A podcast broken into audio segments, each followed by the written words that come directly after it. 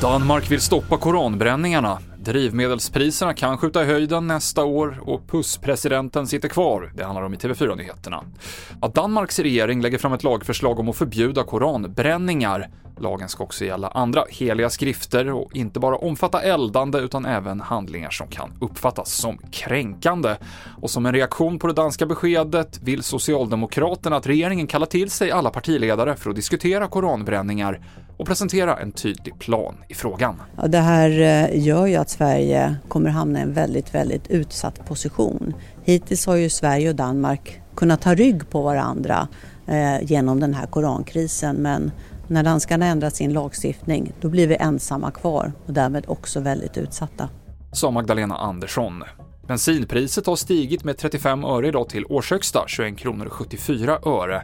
Det väntas mattas av till hösten för att sen stiga kraftigt igen i början av nästa år. Det är i grunden eh, drivet av att världen tyvärr konsumerar allt mer olja och den kommer förmodligen handla på rekordnivåer, den konsumtionen, sannolikt eh, under nästa år. Så det finns som vi ser det en hög risk för eh, ännu högre drivmedelspriser, i vart fall med den här kronkursen och in i nästa år. Christian Kopfer, råvaruanalytiker på Handelsbanken. Film nu, uppföljaren till Dune är en av höstens mest efterlängtade biopremiärer, men den kommer att dröja. Istället för november så ska Dune 2 gå upp först i mars nästa år. Den pågående Hollywoodstrejken tros spela in eftersom den gör att skådisarna inte kan göra någon PR för filmen.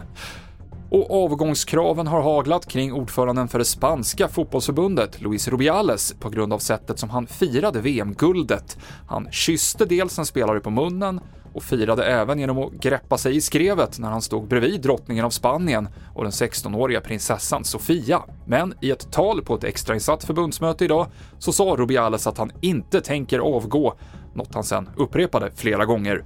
Fortsättning lär följa. Och det avslutar TV4-nyheterna med Mikael Klintevall.